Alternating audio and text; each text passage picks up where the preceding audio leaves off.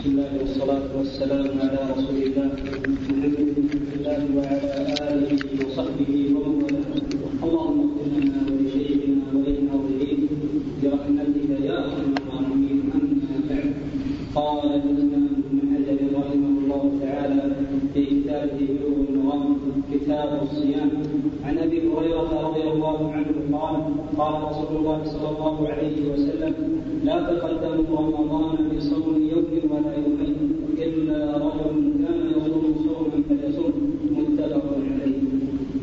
الرحمن الرحيم.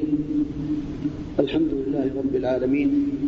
صلى الله وسلم وبارك على نبينا محمد وعلى آله وأصحابه أجمعين. أما بعد هذا كتاب الصيام من بلوغ المرام من أدلة الأحكام للحافظ بن حجر رحمة الله تعالى عليه. والصيام هو في اللغة الإمساك. الإمساك عن الشيء والإمساك يكون مطلقا ولكنه في الشرع إمساك مخصوص من شخص مخصوص في وقت مخصوص أي زمن مخصوص عن أشياء مخصوصة ويكون ذلك بنية من الممسك. هذا هو التعريف في الاصطلاح. منهم من قال هو التعبد لله تعالى بترك المفطرات من طلوع من طلوع الفجر الثاني إلى غروب الشمس. ولا شك أن الصوم ركن من أركان الإسلام كما بين النبي صلوات الله وسلامه عليه. وقال بني الإسلام على خمس شهادة أن لا إله إلا الله وأن محمد رسول الله. وإقام الصلاة وإيتاء الزكاة وصوم رمضان وحج البيت. فهو ركن عظيم من أركان الإسلام كما بين النبي صلوات الله وسلامه عليه. وله فضائل عظيمة. فضائل تختص بشهر رمضان وفضائل تختص بالصيام. فشهر رمضان له فضائل عظيمة. تختص به. من هذه الفضائل العظيمة أنه شهر القرآن. شهر رمضان الذي أنزل فيه القرآن هدى للناس وبينات من الهدى والفرقان. فالله تعالى أنزل القرآن في هذا الشهر العظيم. قد ذكر بأن الكتب السابقة أنزلت في شهر رمضان لكن فريضته كانت على من كان قبلنا وعلينا. كما قال الله تعالى يا أيها الذين آمنوا كتب عليكم الصيام كما كتب على الذين من قبلكم لعلكم تتقون. ومن فضائله أنها تغلق فيه أبواب النيران وتفتح فيه أبواب الجنة. وفي رواية أبواب السماء وفي رواية أبواب الرحمة. ثبتت عن النبي عليه الصلاة والسلام وأنها تفتح في هذا الشهر وتصفد به الشياطين وتغل ومرضة الجن. وينادي مناد يا باغي الخير أقبل ويا باغي الشر أقصر. ولله عتقاء من النار. وذلكم كل ليلة. كما بين النبي صلوات الله وسلامه عليه في فضائل هذا الشهر العظيم. وكذلك من هذه الفضائل أن شهر رمضان فيه ليلة خير من ألف شهر.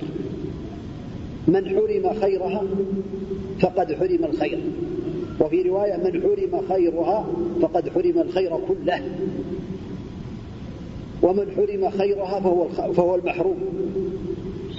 هذا في الحديث والله تعالى قد أنزل سورة كاملة تبين ذلك. إنا أنزلناه في ليلة القدر وما أدراك ما ليلة القدر. ليلة القدر خير من ألف شهر. تنزل الملائكة والروح فيها بإذن ربهم من كل أمر سلام هي حتى مطلع الفجر. فهذه ليلة عظيمة من حرم خيرها فقد حرم الخير كله كما بين النبي عليه الصلاة والسلام. شهر رمضان تجاب فيه الدعوات. كما بين الله تعالى ذلك وذكر سبحانه وتعالى آية الدعاء أثناء الصيام. وقال ربكم ادعوني وقال وإذا سألك عبادي عني فإني قريب أجيب دعوة الداعي إذا دعان فذكر هذا الدعاء أثناء آيات آيات الصيام وهذا يدل على أن هذا الشهر ينبغي للعبد المسلم أن يعتني بالدعاء فيه. ولهذا قال النبي عليه الصلاة والسلام في الحديث الآخر إن للصائم لدعوة ما ترد. وفي رواية عند فطره. وهذا من فضل الله تعالى. وأن للصائم دعوة عند فطره وأثناء صيامه كما أطلق في بعض الأحاديث. كما قال النبي صلوات الله وسلامه عليه إن لله عتقاء في كل ليلة. في كل ليلة أي من ليالي رمضان. ولكل عبد منهم دعوة مستجابة كما بين النبي عليه الصلاة والسلام. ولا شك أن الفضائل كثيرة بينها النبي عليه الصلاة والسلام. ومنها أن في هذا الشهر العظيم يكون تكون بعض أو يكون بعض التعب. فالإنسان قد يمسك عن الطعام والشراب وهو يشتهيه وقد يترك المحرمات ابتغاء مرضات الله تعالى وقد يصيبه الألم أثناء الصيام في ألم الجوع وألم الظمأ ولهذا يكون هذا الشهر بإثبات النبي عليه الصلاة والسلام شهر الصبر. إذا يكون رمضان هو شهر الصبر. والصابرون يوفون أجورهم بغير حساب. كما قال النبي عليه الصلاة والسلام كما قال الله تعالى إنما يوفى الصابرون أجرهم بغير حساب. وثبت عن النبي عليه الصلاة والسلام أنه قال صيام شهر الصبر وثلاثة أيام من كل شهر يذهبن وحر الصدر. هذا يدل على أن من صام هذا الشهر العظيم فإنه قد حصل على الثواب العظيم. وحر الصدر هو غله وحقده ووساوسه فإذا حافظ المسلم على صيام شهر رمضان وصيام ثلاثة أيام من كل شهر حصل على هذه الفضيلة التي بينها النبي صلوات الله وسلامه عليه. شهر رمضان ترفع فيه الدرجات. فمن مد الله في عمره يكون أفضل ممن سبقه. ولهذا ثبت أن النبي عليه الصلاة والسلام أسلم في عهده رجلان رجلان. وكان أحدهما مجتهدا اجتهادا عظيما. فمات المجتهد غازيا في سبيل الله بل استشهد في سبيل الله تعالى. وخلف الآخر سنة كاملة. ثم مات بدون استشهاد. فرأى طلحة بن عبيد الله رضي الله عنه في النوم أن الذي مات آخرا دخل الجنة قبل المستشهد في سبيل الله الذي كان مجتهدا فعجب من ذلك. وأخبر النبي عليه الصلاة والسلام فقال أتعجبون؟ ألم يؤجل بعده أو يؤخر بعده سنة كاملة صام فيها رمضان وصلى كذا وكذا صلاة أو سجدة؟ لما بينهما كما بين السماء والأرض أو كما قال النبي عليه الصلاة والسلام والحديث ثابت عن النبي عليه الصلاة والسلام أخرجه أحمد وابن ماجه. هذا يدل على أن من أدرك رمضان ترفع درجاته. فهو من أسباب رفعة الدرجات عند الله تعالى في جنات النعيم. وهذا فضل عظيم بينه النبي صلوات الله وسلامه عليه. ومن هذه الفضائل أن شهر رمضان هو شهر الذكر. فالله تعالى ذكر أثنى آية الصيام قرنها بالذكر ولتكملوا العدة ولتكبروا الله على ما هداكم ولعلكم تشكرون. هذا في إشارة والله أعلم إلى أن المسلم ينبغي له أن يذكر الله تعالى وخاصة حينما يختم الشهر فإن الله تعالى آمر بذلك يريد الله بكم اليسر ولا يريد بكم العسر ولتكملوا العدة ولتكبروا الله على ما هداكم ولعلكم تشكرون. من صام رمضان فإنه يكون من الصديقين فإنه ثبت عن النبي عليه الصلاة والسلام أنه قال لرجل قال يا رسول الله أرأيت إن شهدت أن لا إله إلا الله وأنك رسول الله؟ وأقمت الصلاة أو الصلوات الخمس وصمت رمضان. الحديث ممن أنا؟ قال من الصديقين والشهداء أو كما قال النبي عليه الصلاة والسلام. والحديث رواه ابن حبان وحسنه أو صح إسناده بعض أهل العلم. شهر رمضان من فضائله أن من قامه إيمانا واحتسابا غفر له ما تقدم من ذنبه كما قال النبي عليه الصلاة والسلام من قام رمضان إيمانا واحتسابا غفر له ما تقدم من ذنبه. عمرة في رمضان تعدل حجة مع النبي عليه الصلاة والسلام. هذه الخصائص من خصائص الشهر وخصائصه كثيرة. لا تحصر في هذا الموقف لكن أحببت أن أشير إلى بعضها. أما الصوم فإن له فضائل عظيمة بينها النبي عليه الصلاة والسلام. ومنها أو ما يشير إليها أن الله تعالى قال لعلكم تتقون. فهو من أسباب التقوى وأن المسلم إذا صام رمضان واجتهد فيه فإن ذلكم يكون من أسباب التقوى ومن أسباب الإعانة على طاعة الله تعالى. وصوم كذلك جنة من النار كما بين النبي صلوات الله وسلامه عليه. صوم جنة ووقاية من النار كما ثبت عن النبي عليه الصلاة والسلام. والصوم جنة وهو جنة من الشهوات. قال النبي عليه الصلاة يعني جنة أي يحول بين الإنسان ويغطي بين الإنسان وبين الشهوات. ويحول بينه وبين النار حجاب بينه وبين النار. ولهذا قال النبي عليه الصلاة والسلام يا معشر الشباب من أستطاع منكم الباءة فليتزوج ومن فإنه ومن لم يستطع فعليه بالصوم. فإن له فإنه له وجع.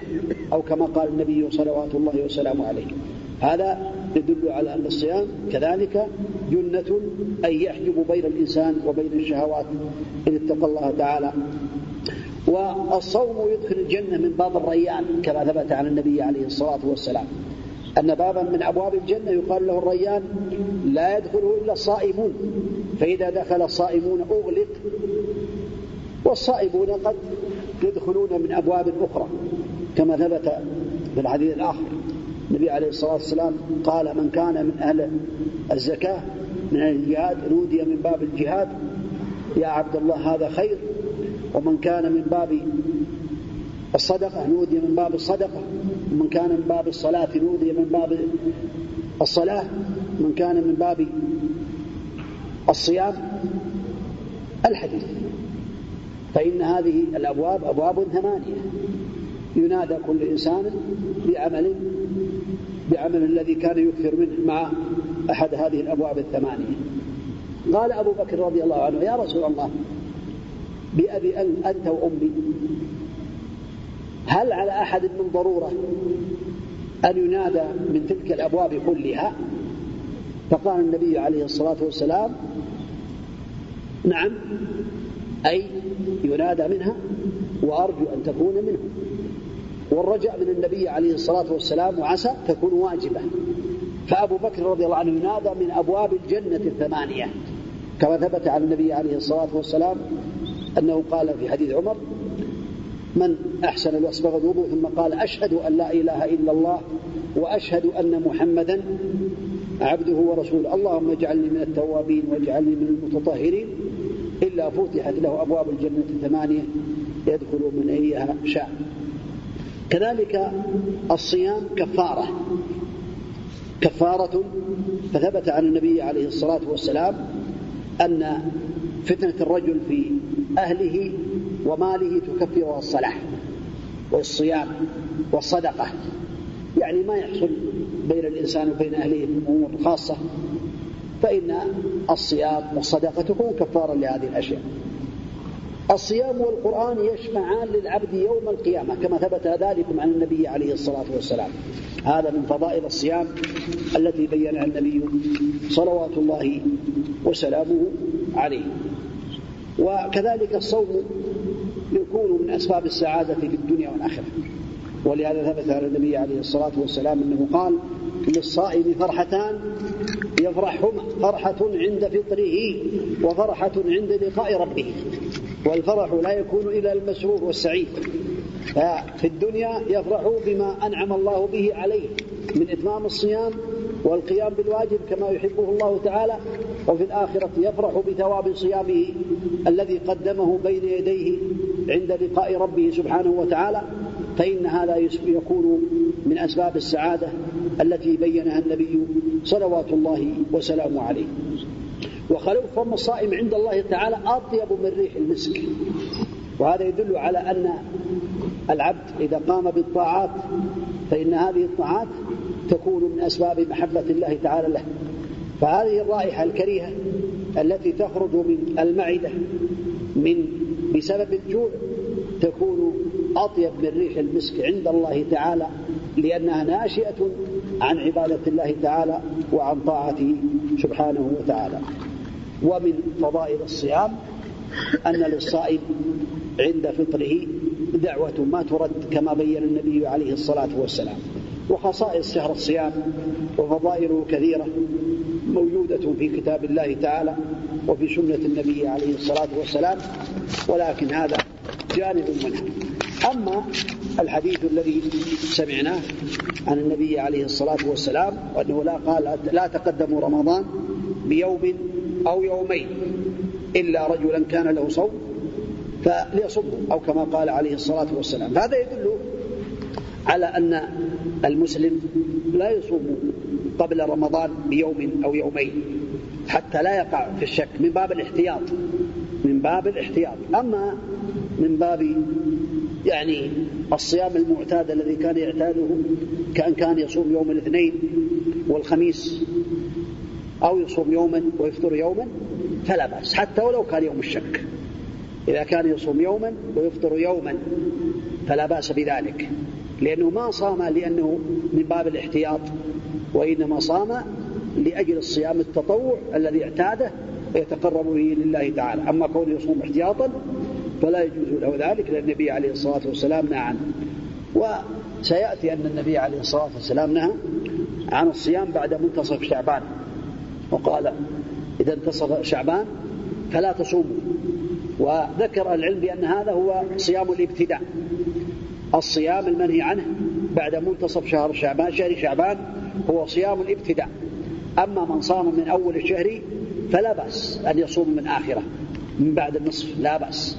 بل ثبت عن النبي عليه الصلاة والسلام أنه كان يصوم شعبان عليه الصلاة والسلام. كما قالت عائشة رضي الله عنها كان رسول الله عليه الصلاة والسلام يصوم حتى نقول لا يفطر ويفطر حتى نقول لا يصوم. وما رأيته وما استكمل شهرا غير رمضان وما رأيته أكثر صياما منه في شعبان منه في شعبان. كان يصومه إلا قليلا. في رواية كان يصومه كله. وثبت عن النبي عليه الصلاة والسلام أنه كان يصوم شعبان عليه الصلاة والسلام فسئل عليه الصلاة والسلام عن صيامه. فقال عليه الصلاة والسلام أنه شهر يغفل الناس عنه بين رجب ورمضان وتعرض فيه الأعمال على رب العالمين فأحب أن يعرض عملي وأنا صائم. هذا يدل على أفضلية وهذا الحديث ثابت في النساء بإسناد صحيح عن النبي عليه الصلاة والسلام.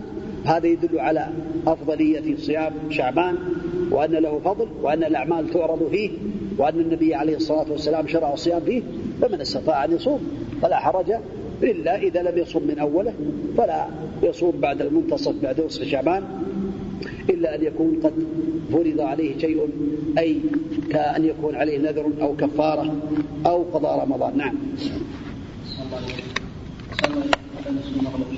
نعم. كان يصوم مغرب شعبان؟ هل يصوم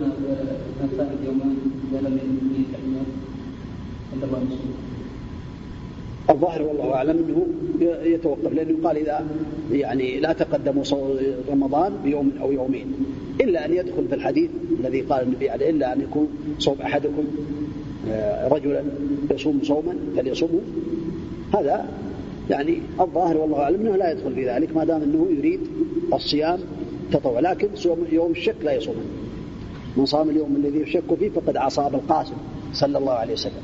هذا من باب الاحتياط يصوم من باب الاحتياط إذا كان يصومه من باب الاحتياط أو يصوم قبل رمضان بعد المنتصف وهو لم يصوم من أول شيء نعم. وعن عمار بن ياسر رضي الله عنه وعن وعن وعن عمار بن ياسر رضي الله عنهما قال من صام اليوم الذي يشك فيه فقد عصى أبا القاسم صلى الله عليه وسلم ذكره البخاري تعليقا ووصله الخمسة وصححه ابن خزيمة وابن حبان. ذكر بعض المذاهب في مذهب الإمام أحمد رحمه الله أن اليوم الذي فيه غيب كما ثبت عن عمر بن عمر رضي الله عنهما في غيم يصام من باب الاحتياط حتى لا يفوت شيء من رمضان. ولكن الحديث الصحيح الذي سمعناه وهو الذي عليه الأئمة ثلاثة أنه لا يصوم يوم الشك. وقالوا بأن الصيام الذي هو يوم الشك الذي نهى عنه النبي عليه الصلاة والسلام أي في مذهب الإمام أحمد. هو اليوم الذي لا غيم فيه.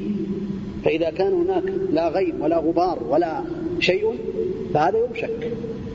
أما إذا كان فيه غيم أو غبار أو غير ذلك فإنه في هذه الحالة يصوم من باب الاحتياط حتى لا يفوت شيء من رمضان لأن هذا الغيب وهذا الغبار يحول دون الهلال. ولكن هذا يعني مخالف للحديث الصحيح الذي سمعناه. فإن النبي عليه الصلاة والسلام قال من صام اليوم قال أبو هريرة من صام اليوم الذي يشك فيه فقد عصى أبا القاسم صلى الله عليه وسلم. نعم. أعد الحديث. نعم. الله وعن عمار بن ياسر رضي الله عنهما قال من صام اليوم الذي يشك فيه فقد عصى أبا القاسم صلى الله عليه وسلم. ذكره البخاري تعليقا ووصله الخمسة وصححه ابن وهذا لأنه قد سمع النبي عليه الصلاة والسلام ينهى عن ذلك. عمار بن ياسر رضي الله عنهما رضي الله عنه قد سمع النبي عليه الصلاة والسلام ولهذا قال فقد عصى أبا القاسم صلى الله عليه وسلم. فلا يجوز المسلم أن يصوم اليوم الذي يشك فيه وهو يوم الثلاثين من شعبان. نعم. وعن ابن عمر رضي الله عنهما قال سمعت رسول الله صلى الله عليه وسلم يقول إذا رأيتموه فصوموا وإذا رأيتموه فأفطروا فإن غم عليكم فاقدروا له. متفق عليه. هذا يدل على أن النبي عليه الصلاة والسلام أمر بذلك. إذا رأيتموه فصوموا. إذا رأيتموه فصوموا وإذا رأيتموه فافطروا هذا في الرؤية رؤية الهلال. فإذا لم يرى الناس الهلال فإنهم لا يصومون. بل يقدرون له فاقدروا له. يعني ضيقوا يعني يحسبوا. شعبان حتى يكمل ثلاثين يوما ثم صوم. نعم. الله ولمسلم فإن أغمي عليكم فاقدروا له ثلاثين. يعني إذا كان حصل غيب فيقدر ثلاثين يعني يحسب شعبان ثلاثين يوما ثم يصام رمضان. نعم. وللبخاري فأكملوا العدة ثلاثين وله في حديث أبي هريرة فأكملوا عدة شعبان ثلاثين. هذه الرواية تفسر بعضها بعضا بأن الناس إذا غم عليهم ولم يستطيعوا أن يروا الهلال ليلة الثلاثين من شعبان فإنهم يكملون شعبان ثلاثين يوما. يقدرون له أي يحسبون شعبان ثلاثين يوما. فإذا كمل كملت الثلاثين فإنهم يصومون رمضان. نعم. وعن ابن عمر رضي الله عنهما قال تراءى الناس الهلال فاخبرت النبي صلى الله عليه وسلم أني رأيته فصام وأمر الناس بصيامه. رواه أبو داود وصححه الحاكم وابن حبان. هذا يدل على أن شهادة الواحد تقبل في دخول رمضان. ذكر أهل العلم بأن دخول الأشهر لا يثبت وخروجها كذلك إلا بشاهدي عدل بشاهدي اثنين. أما رمضان فقد ثبت عن النبي عليه الصلاة والسلام أنه قبل شاهدا واحدا صلوات الله وسلامه عليه. فإذا جاء رجل مسلم يشهد بأنه قد رأى هلال رمضان ليلة يعني رمضان في نهاية شعبان فإنه بهذا يقبل قوله إذا كان ثقة وإذا كان عدل. نعم إذا كان عدلا نعم. لكن اختلفوا. هل يخرج من شعبان من رمضان بشاهد واحد أو لابد بشاهدين كسائر الشهور؟ فمنهم من قال لا لا يخرج من شعبان لا يخرج من رمضان إلا بشاهدي عدل لأن الابتداء كان بشاهد واحد حتى ولو صاموا واحد وثلاثين يوما. ومنهم من قال من باب التبع من باب التبع فإن الإنسان إذا فإنه ما دام صمنا بواحد نفطر بواحد وهذا قول الأول قول الأول قول كما ذكر سماحة شيخنا رحمة الله عليه. القول بأنه إذا لم يثبت إلا بواحد فلا يخرج إلا باثنين. ومن أخذ من باب التبع والإتباع بأنه إذا قبل بواحد فإنه يقبل خروجه بواحد ثقة ثبت. قولان لأهل العلم نعم. هذا يجتهد لولي الأمر. هذا الأمر هذا الترجيح يكون لولي الأمر لولي أمر المسلمين. نعم. وعن ابن عباس رضي الله عنهما ان اعرابيا جاء إلى النبي صلى الله عليه وسلم فقال إني رأيت الهلال فقال تشهد أن لا إله إلا الله؟ قال نعم. قال تشهد أن محمدا رسول الله؟ قال نعم. قال فأذن للناس يا بلال أن يصوموا غدا. رواه الخمسة وصححه ابن خزيمة ابن خزيمة وابن حبان ورجح النسائي مرساله. وهو حديث ثابت لأنه قد وصل من طريق آخر. كما ذكر العلم بأنه إذا تعارض الوصل والإرسال قدم الوصل لأنه زيادة ثقة. وهو حديث ثابت هذا الأعرابي جاء إلى النبي عليه الصلاة والسلام فاستشهده وهذا يدل على أنه لا تقبل شهادة غير المسلم ولا غير الثقة ويدل على قبول شهادة الواحد في دخول رمضان. نعم. أحسن الله وعن حفصة أم المؤمنين أن النبي صلى الله عليه وسلم قال من لم يبيت الصيام قبل الفجر فلا صيام له. رواه الخمسة ومال الترمذي والنسائي إلى ترجيح وقته وصححه مرفوعا ابن خزيمة وابن حبان وللدار لا صيام لمن لم يدركه من الليل. والصواب أن هذا الحديث موصول. كما تقدم قاعدة. أن الوصل إذا عارض الإرسال وكان الواصل ثقة فإن الوصل زيادة ثقة. وهو حديث مرفوع إلى النبي عليه الصلاة والسلام وأن من لم يبيت الصيام من الليل فلا صيام له. وهذا يدل على أن الصيام ركن أو النية ركن من أركان الصيام في الفريضة في صوم رمضان وفي الكفارات والنذور يكون ركن من أركانها. والنية أمرها سهل فإذا نوى أن يصوم غدا الحمد لله هذا نية. وإذا استيقظ أو أراد أن يأكل أو يشرب من باب السحور حتى يصوم هذا نية. النية ليست فيها مشقة. وإنما إذا أكل أو شرب من الليل يريد الصيام فقد نوى. وهكذا لو نام وهو ينوي أن يصوم غدا فقد نوى. نعم. فالنية أمرها سهل ميسر لا مشقة فيها. نعم. وعن عائشة رضي الله وهي تكون بالقلب لا باللسان. بعض الناس ربما ينوي بلسانه. لا النية محلها القلب والتلفظ بها بدعة. نعم. نعم. الشهر كامل يا شيخ في نية واحدة. إيه، قول من أقوال العلم لكن الصواب في كل ليلة. الصواب في كل ليلة. فإذا تسحر أو أكل أو أمسك عن الطعام والشراب فهو صحيح. الحمد لله. نعم. صلى الله وعن عائشة رضي الله عنها قالت دخل علي النبي صلى الله عليه وسلم. لكن المسلم ينوي نية عامة نية عامة في أول رمضان وأن يصوم الشهر كاملا لله تعالى يرجو ثوابه ويخشى عقابه ونية المسلم موجودة من قبل رمضان وفي كل وقت يصوم رمضان. لكن النبي عليه الصلاة والسلام قال من لم يبيت الصيام من الليل. فحدد النبي عليه الصلاة والسلام بالليل وما وليس هناك مسلم يبيت ليلة إلا وهو أن يصوم اليوم, الذي بعده. فإذا أكل السحور وشرب الشراب وأمسك من أجل الصيام فقد نوى. نعم. نعم.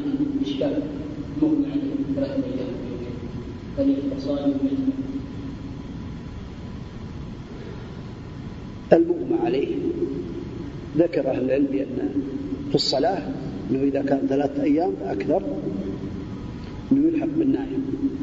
فأقل يلحق بالنائم. وإذا كان ثلاث أكثر من ثلاثة أيام يلحق بالمجنون. فكونه يحسب له الصيام وهو مغمى عليه ثلاثة أيام هذا فيه نظر والله أعلم. نعم. وعن عائشة رضي الله عنها قالت دخل علي النبي صلى الله عليه وسلم ذات يوم فقال هل عندكم شيء؟ قلنا لا. قال فإني إذا صائم ثم أتانا يوما آخر فقلنا ذكرنا هذه المسألة إن شاء الله. راجع إن شاء الله. نعم. أعد. وعن عائشة رضي الله عنها قالت دخل علي النبي صلى الله عليه وسلم ذات يوم فقال هل عندكم شيء؟ قلنا لا. قال فإني إذا صائم ثم أتانا يوما آخر فقلنا أهدي لنا حيس فقال أريني فلقد أصبحت صائما فأكل. رواه مسلم. الحيس ذكروا بأنه التمر والأقط والسمن. مجموع قال يقال له حيس. نوع من أنواع الطعام يجمع مع التمر مع السمن مع الأقط قال له حيس. والنبي عليه الصلاة والسلام فعل ذلك. دلالة على أن الصائم إذا أصبح صائما صيام التطوع فإن له أن يفطر إذا شاء. فإنه عليه الصلاة والسلام كان صائما كان قد نوى الصيام عليه الصلاة والسلام ثم أفطر. وكان عليه الصلاة والسلام قد نوى الإفطار ثم صام. وهذا مختص بصيام النفل. له أن يصوم من النهار ولو بعد الزوال. تطوعا. إذا لم يأكل شيئا بعد الفجر. إنسان ذهب ولم يأكل شيئا وقبل العصر قال سبحان الله ما بقي إلا ساعات ثلاث ساعات أو ساعتين لماذا ما أكون صائما تطوعا فينوي الصيام؟ هذا يكتب له صيام اليوم كاملا من فضل الله تعالى بشرط أن لا يأكل بعد الفجر. إنسان أصبح صائما صام سحر تطوعا ثم حصل له يعني بعض الأمور كأن جاء إليه ضيف ويشق عليه أن يصوم الضيف يعني يأكل أو دعاه أخوه بطعام ويعني يشق عليه عدم إجابته فله أن يفطر ويقضي يوما مكانه إن شاء إن شاء. يعني القضاء سنة ما دام هذا نفلا فلو قضى مكانه نفلا يكون نفلا ولو لم يقضي لا بأس بذلك. لكن لو كمل الصيام لا بأس. كما قال النبي عليه الصلاة والسلام فإذا من كان صائما فليدعو ومن كان مفطرا فليطعم. هذا يدل على الأفضلية فقط. أما إذا حصل بعض المشقة أو يعني يشق على أخيك أنك صائم أو يدعوك أخوك ويشق عليه عدم إجابتك أو يأتيك ضيف تريد إكرامه ويشق عليه أنك صائم وتطعمه فالأمر سهل. ما دام أنه تطوع فالحمد لله. وهذا فيه تيسير. فيه تيسير وفيه إعانة على الصيام. كذلك. لأن الإنسان إذا خشي أن يصيبه يأتيه ضيف أو يدعى من بعض الناس قد لا يصوم. إذا كان يعني آه، الصيام واجبا عليه الإتمام. هذا فيه مشقة عليه وقد يكون فيه تنفير من الصيام. فمن رحمة الله تعالى أن شرع عن طريق النبي عليه الصلاة والسلام أن الإنسان يجوز له أن يفطر إذا كان الصيام تطوع. فالصائم المتطوع أمير نفسه. نعم. وعن سهل بن سعد رضي الله عنه أن رسول الله صلى الله عليه وسلم قال لا لا يزال الناس بخير ما عجلوا متفق عليه. هذا يدل على أفضلية تعجيل الإفطار الصائم وأنه ينبغي له ويسن له ويشرع له أن يفطر مبكرا بعد غروب الشمس. تماما ليس معنى ذلك أن يفطر والشمس لا زالت حية أو لم تغب. فإذا غابت الشمس أقبل الليل أقبل الليل كما قال النبي عليه الصلاة والسلام إذا أقبل الليل من هنا وأدبر النهار من هنا وغربت الشمس فقد أفطر الصائم. فإذا غربت الشمس تماما فإن السنة أن يعجل الإنسان بالإفطار. فإن كان في مكان ليس عنده شيء نوى بالنية أنه قد خرج من الصيام. تطوع طاعة لله تعالى ورغبة في حث النبي عليه الصلاة والسلام في هذه الخيرية على هذه الخيرية نعم. وللترمذي من حديث أبي هريرة رضي الله عنه عن النبي صلى الله عليه وسلم قال قال الله عز وجل أحب عبادي إلي اعجلهم فطرا. وهذا كذلك يرغب في تعجيل الإفطار لأن كثيرا لأن بعض الناس يؤخر الإفطار حتى يرى النجوم هذا خلاف السنة. فالسنة البدار بالإفطار. بعد غروب الشمس تماما وتحقق غروبها. إذا تحقق غروبها وغربت يفطر. لكن إذا كان في المدينة فإنه عليه أن يتريث ويتأنى. لا يستعجل ويفطر لأن العمارات الشاهقة والبيوت الكثيرة تحول بينه وبين الشمس. فلا بد أن يتأنى ويستمع للمؤذن الثقة فإذا أذن المؤذن فهي إن هو المؤذن يجب عليه أن يحتاط لذلك. يجب عليه التأكد من غروب الشمس تماما إما بالتقويم وإما بشيء يثبت له بأن الشمس قد غربت. ولا يستعجل نعم. كذلك الصائم لا يستعجل في الإفطار بمجرد ما يسمع يعني حركة المكروه يفطر. كان في بعض الناس يعني بمجرد ما طق الميكروفون أفطر بعض الناس. وغلط بعض المؤذن بعض المؤذنين في بعض الأماكن. قال الله أكبر. بقي وقت طويل. بقي دقائق. فأفطر يعني على هذا على هذه التكبيرة عدد كثير من الناس. بعض الناس لا. تأكد. حتى ولو سمع المؤذن ينظر إلى الساعة. تأكد هل هذا صحيح أو غير صحيح. أما بمجرد كأن أعمى ما يرى. لا. نعم. نعم. أحسن الله إليك. وعن أنس بن مالك رضي الله عنه قال قال رسول الله صلى الله عليه وسلم تسحروا فإن في السحور بركة. متفق عليه. هذا يدل بأن السحور بركة. والنبي عليه الصلاة والسلام أمر به. أمر استحباب. تسحروا فإن في السحور بركة. بركته كما ذكر أهل العلم تكون على أنواع. لأن فيه مخالفة لليهود لأهل الكتاب فإنهم كانوا لا يتسحرون. ولأن فيه من بركته أن الإنسان إذا تسحر يستعين على بهذا السحور على طاعة الله تعالى ويتقوى به. فيكون في اليوم نشيطا قويا يستطيع أن يقوم بالصلوات يستطيع أن يقوم بالأعمال يستطيع أن يقوم ب يعني ما أرشد إليه يستطيع أن يقرأ القرآن يسبح يقوم بالأعمال الصالحة. بركة بركة السحور.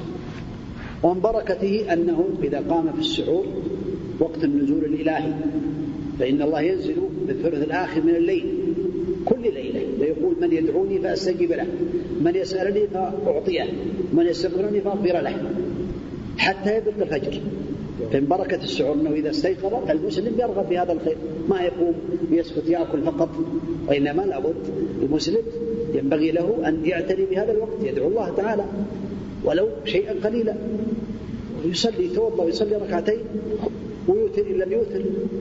هذا من بركة السحور نعم. ومن بركة السحور كذلك امتثال أمر النبي عليه الصلاة والسلام فإنه أمر بذلك. تسحروا فإن في السحور بركة. نعم. وعن سلمان بن عامر الضبي عن النبي صلى الله عليه وسلم قال إذا أفطر أحدكم فليفطر على تمر فإن لم يجد فليفطر عندك سل... عندك سلمان ها؟ نعم. أحد منكم عنده سليمان؟ ها؟ خله إذا ما عندك كتاب ما عندك خله. نعم تم. سلمان سلمان نعم. صواب نعم نعم.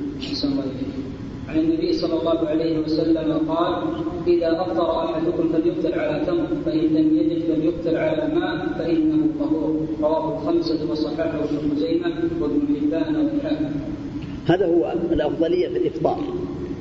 يفطر على رطبات الأفضل له أن يفطر على ثلاث درجات.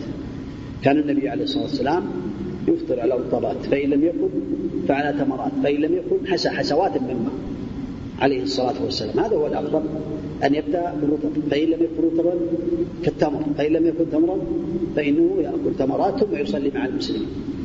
ومن الغريب ومن الأمور التي ابتدعها كثير من الناس ما نقول بدعة لكن خلاف السنة أنه يأتي بالأطعمة أنواع الأشربة وأنواع الأطعمة ويبسطها أمامه. ويتربع ويأكل وتفوت صلاة الجماعة وهذا خلاف السنة. يأكل تمرات أو رطبات أو يحسو حسوات من الماء ثم يذهب يصلي صلاة المغرب مع جماعة المسلمين ثم يرجع ويأكل ما كتب الله له. نعم. يشرب ولا حسوات يعني جغمات يسمونها الجغمات يعني. ها؟ نعم. نعم. هو لفظ الحديث حسوات من الماء. يعني هكذا. نعم. يعني جغم جغمان ها؟ أو شرب شربات يعني ملء الفم مرة حسوة ها؟ نعم حسوة جزاك الله جزاك الله وعن أبي هريرة رضي الله تعالى عنه قال نهى رسول الله صلى الله عليه وسلم عن الانفصام فقال رجل من المسلمين فإنك تواصل يا رسول الله. فقال وأيكم مثلي؟ إني أبيت يطعمني ربي ويسقيني فلما ابوا ان ينتهوا عن الانفصام واصاب بهم فقال لو تأخر الهلال لزدتكم كالمنكر لهم حين ابوا ان ينتهوا متفق عليه هذا الحديث فيه النهي عن الوصال لعامة الأمة. والنبي عليه الصلاة والسلام كان يواصل. والوصال هو أن يصوم اليوم واليومين. يواصل اليوم واليومين في طعام طعام السحور. والثلاثة عليه الصلاة والسلام. هذا يدل على القوة العظيمة أنه عليه الصلاة والسلام كان يواصل. وهم يريدون أن يواصلوا مع النبي عليه الصلاة والسلام. فنهاهم فسألوه فقال إني لست كهيئتكم. إني أبيت عند ربي يطعمني ويسقيني. وكما قال عليه الصلاة والسلام. وهذا الإطعام والإسقاء اختلف أهل العلم. هل يكون الإطعام حقيقة حسي أو يكون معنويا؟ والصواب والأقرب أنه يكون معنويا لا حسيا أي يكون من باب الأنس والراحة والتلذذ بعبادة الله تعالى تغنيه عن الطعام والشراب عليه الصلاة والسلام. وليس معنى ذلك أنه يأتي صحون الطعام أطعمة يأكلها عليه الصلاة والسلام. ولكن ذكر العلم بأن هذا من باب يعني يعني الطعام المعنوي. فالأنس بمناجاة الله تعالى والرغبة فيما عند الله تعالى والتلذذ بعبادة الله تعالى تنسيه الطعام والشراب عليه الصلاة والسلام. فنحن لسنا كهيئة النبي عليه الصلاة والسلام نهانا عن الوصال والنهي كما ذكر العلم لا يكون محرما لأن النبي عليه الصلاة والسلام واصل لكنه يكون مكروها لأن النبي عليه الصلاة والسلام نهى عنه. فإنه إذا فعل شيئا ونهى عنه دل ذلك على الكراهة لا على التحريم. فإنه واصل عليه الصلاة والسلام. لكن لو واصل الإنسان إلى السحر فلا بأس لأن النبي عليه الصلاة والسلام أذن لهم بذلك. إذا كان ولا بد فإلى السحر يعني يتسحر ثم يبقى إلى السحور في اليوم الثاني.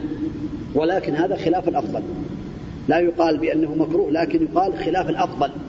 لأن النبي عليه الصلاة والسلام أرشد إلى تعجيل الإفطار وبين بأن الله يحب تبارك وتعالى أعجل الناس إليه فطرة.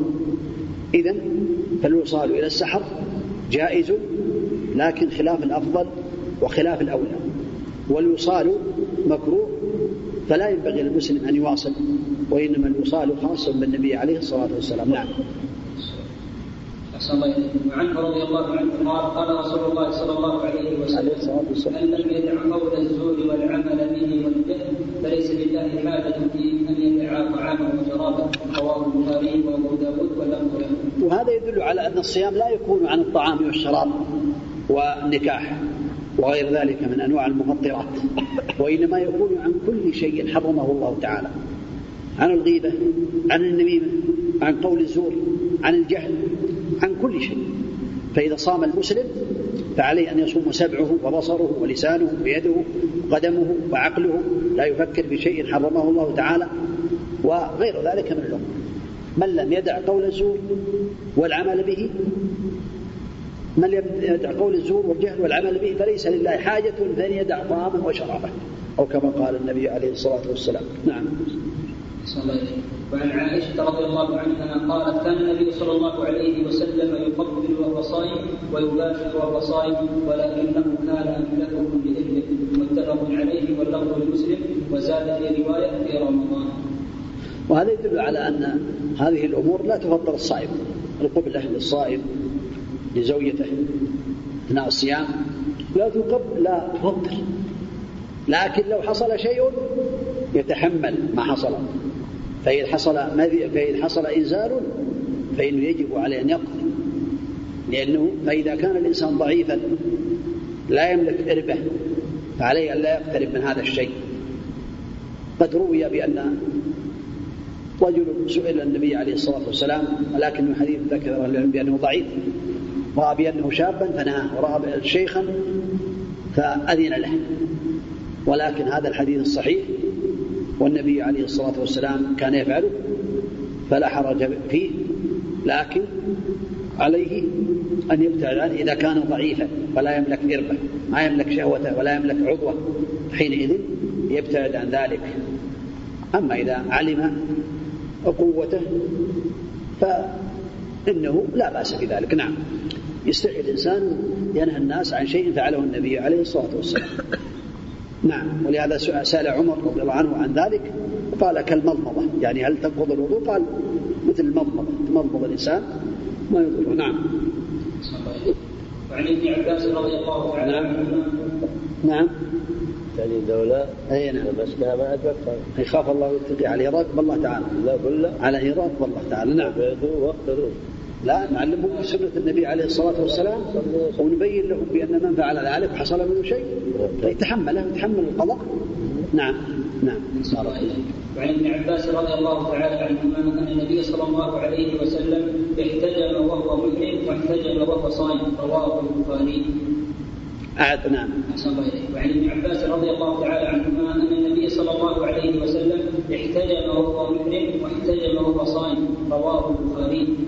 هذا الحديث ذكر العلم بأنه لا يكون صريحا في إفطار الصائم بالحجامة. لا يكون صريحا في عدم إفطار الصائم بالحجامة. لا مسافرا والأمر الثاني أن يكون صحيحا لا مريضا. والأمر الثالث أن يكون قبل أو بعد حديث أفطر الحاجم والمحجوب. والأمر الرابع أن يكون في صيام الفرض لا في صيام النفل. فمن أثبت هذه الأمور الأربعة احتج بهذا الحديث كما ذكر ابن القيم. ومن لم يستطع أن يأتي بهذه الأمور الأربعة فعليه أن يأخذ بالحديث الذي بعده أفطر الحاجب والمحجوم نعم. لأن الحديث الأول ليس صريحا قد يكون مسافرا قد يكون مريضا حينما احتجم قد يكون قبل أي أحضر الحاجب والمحجوم نعم قد يكون في يعني صيام التطوع. فمن أثبت هذه الأمور كلها الأربعة بالأدلة فعليه أن يقول بأن الحجامة لا تفطر. ومن لم يثبت ذلك فعليه أن يأخذ بالحديث الآتي. نعم. وعن شداد وعن شداد بن اوس ان النبي صلى الله عليه وسلم اتى على رجل من البقيع وهو يلتزم في رمضان فقال أفطر الحاكم والمجنون رواه الخمسه إلى الترمذي وصححه أحمد بن خزيمة وابن حبان. وهذا هو المعتمد. هذا هو المعتمد والمفتى به في عند المحققين من أهل العلم أنه يفطر الحاجب والمحجوب. لهذا الحديث ثابت عن النبي عليه الصلاة والسلام. أما الحديث الأول فليس بصريح. ليس بصريح في عدم إفطار الحاجب نعم والمحجوب. نعم. وعن أنس بن مالك قال أول ما كرهت الحجامه للصائم أن جعفر بن أبي طالب احتجم وهو صائم فمر به النبي صلى الله عليه وسلم فقال أفطر هذان ثم رقص النبي صلى الله عليه وسلم بعد في للصائم وكان انس يحتجم وهو صائم رواه الدارقطني وهو وهو؟ رواه الدارقطني وهو صائم رواه الدارقطني وهو نعم. هذا حديث كما ذكر أهل العلم بأنه ضعيف. لا يقاوم الحديث قبله. نعم. وعن عائشة رضي الله عنها أن النبي صلى الله عليه وسلم فالمعتمد أن الحجامة تفطر أما الفصل أو التحليل الذي يكون قليل ما يكون فإن هذا لا يفطر لكن إذا كان يعني الدم كثيرا كما ذكر بعض العلم الإسعاف كمن يسعف يسحب من منه للإسعاف فإن هذا فيه شبه بالحجامة فعليه ألا يتبرأ بالدم وقت الصيام. أما التحليل اليسير ما يقوم مقامه فلا يضر. نعم صلى الله عليه وسلم. وعن عائشة رضي الله تعالى عنها أن النبي صلى الله عليه وسلم اكتحل في رمضان وهو صائم رواه ابن ماجه بإسناد ضعيف وقال الترمذي لا يصح في هذا الباب شيء. والصواب في ذلك أن الكحل والقطرة في العين وفي الأذن هذه لم يثبت فيها عن النبي عليه الصلاة والسلام أحاديث كما ذكر أهل العلم وإنما جاء فيها الأحاديث ضعيفة لكن لو احتاط الإنسان لدينه ولم يكتحل ولم يقطر في عينه ولم ولا في أذنه من باب الاحتياط بشرط أن لا يحتاج إلى ذلك فلا بأس. أما كونه يكتحل ويقال بأنك أفطرت فالصواب أنه لا يضر ذلك لأنه لم يثبت عن النبي عليه الصلاة والسلام ولأن العين ليست يعني من باب المنفذ إلى المعدة الطعام والشراب. صحيح أن من يقول بأنها تفطر يقول بأن الإنسان إذا قطر في عينه أو في أذنه أو اكتحل قد يجد الطعم في حلقه لكن لا يلزم أن يكون هذا الطعم ينزل إلى المعدة. فالصواب أن هذه الأشياء تحتاج إلى دليل وأن الذي يفطر هو الذي يدخل الجوف. مع المدخل المعتاد مع الفم نعم. أو يكون يكون مقام الطعام والشراب كالإبرة المغذية. فإذا كان آه، الإنسان تعاطى إبرة مغذية تكون مقام الطعام والشراب فقد أفطر بذلك. نعم. صلى الله عليه وسلم. وعن أبي هريرة رضي الله عنه قال قال رسول الله صلى الله عليه وسلم من نسي وهو صائم فأكل أو شرب فليتم صومه فإنما أطعمه الله وسقاه متفق عليه وللحاكم من أفطر في رمضان ناسيا فلا قضاء عليه ولا كفاره وهو صحيح. وهذا يدل على أن من أفطر ناسيا فقد أطعمه الله وسقاه كما قال النبي عليه الصلاة والسلام ولا قضاء عليه ولا كفاره. هذا بيان من النبي عليه الصلاة والسلام أن هذا إطعام وإسقى من الله تعالى فحينئذ أطعمه الله وسقاه ولا قضى عليه. لكن هل ينكر عليه أو لا ينكر؟ بعض الناس يقول لا تنكر عليه إذا رأيته يأكل أو يشرب لا تنكر عليه لأن الله أطعمه وسقاه. لا هذا من باب الأمر بالمعروف والنهي عن المنكر. فإذا رأيت أخاك يريد أن يأكل أو يشرب في رمضان وهو صائم هذا يضره. يعني ينقص فرضا يوم من أيام رمضان. يعني لو كان متعمدا فعليك أن تأمره بالمعروف تنهى عن المنكر. فلا بأس. أما كونك تسكت لا لا تسكت. قل أنت صائم يا أخي لا تأكل بارك الله فيك. هذا من باب التعاون على البر والتقوى. لكن لو أفطر وهو لا يدري فلا قضاء عليه ولا كفارة وهذا إطعام أطعمه الله إياه وسقه نعم. وعن أبي هريرة رضي الله تعالى عنه قال قال رسول الله صلى الله عليه وسلم من درعه القيد فلا قضاء عليه ومن استقاء فعليه القضاء رواه الخمسة واعده أحمد وقواه الدارقطني. وهذا يدل على أن القي التقي عمدا من المفطرات الأكل والشرب وما يقوم مقام الطعام والشراب والحجامة والتقي عمدا هذه من المفطرات. أما إذا ذرعه القي وهو إخراج ما في البطن إخراج ما في البطن باختياره بأن يجعل يده في حلقه حتى يخرج ما في معدته لأنه مريض أو يشم شيئا حتى يخرج ما في بطنه. هذا يكون قد أفطر بذلك وعليه أن يقضي هذا اليوم.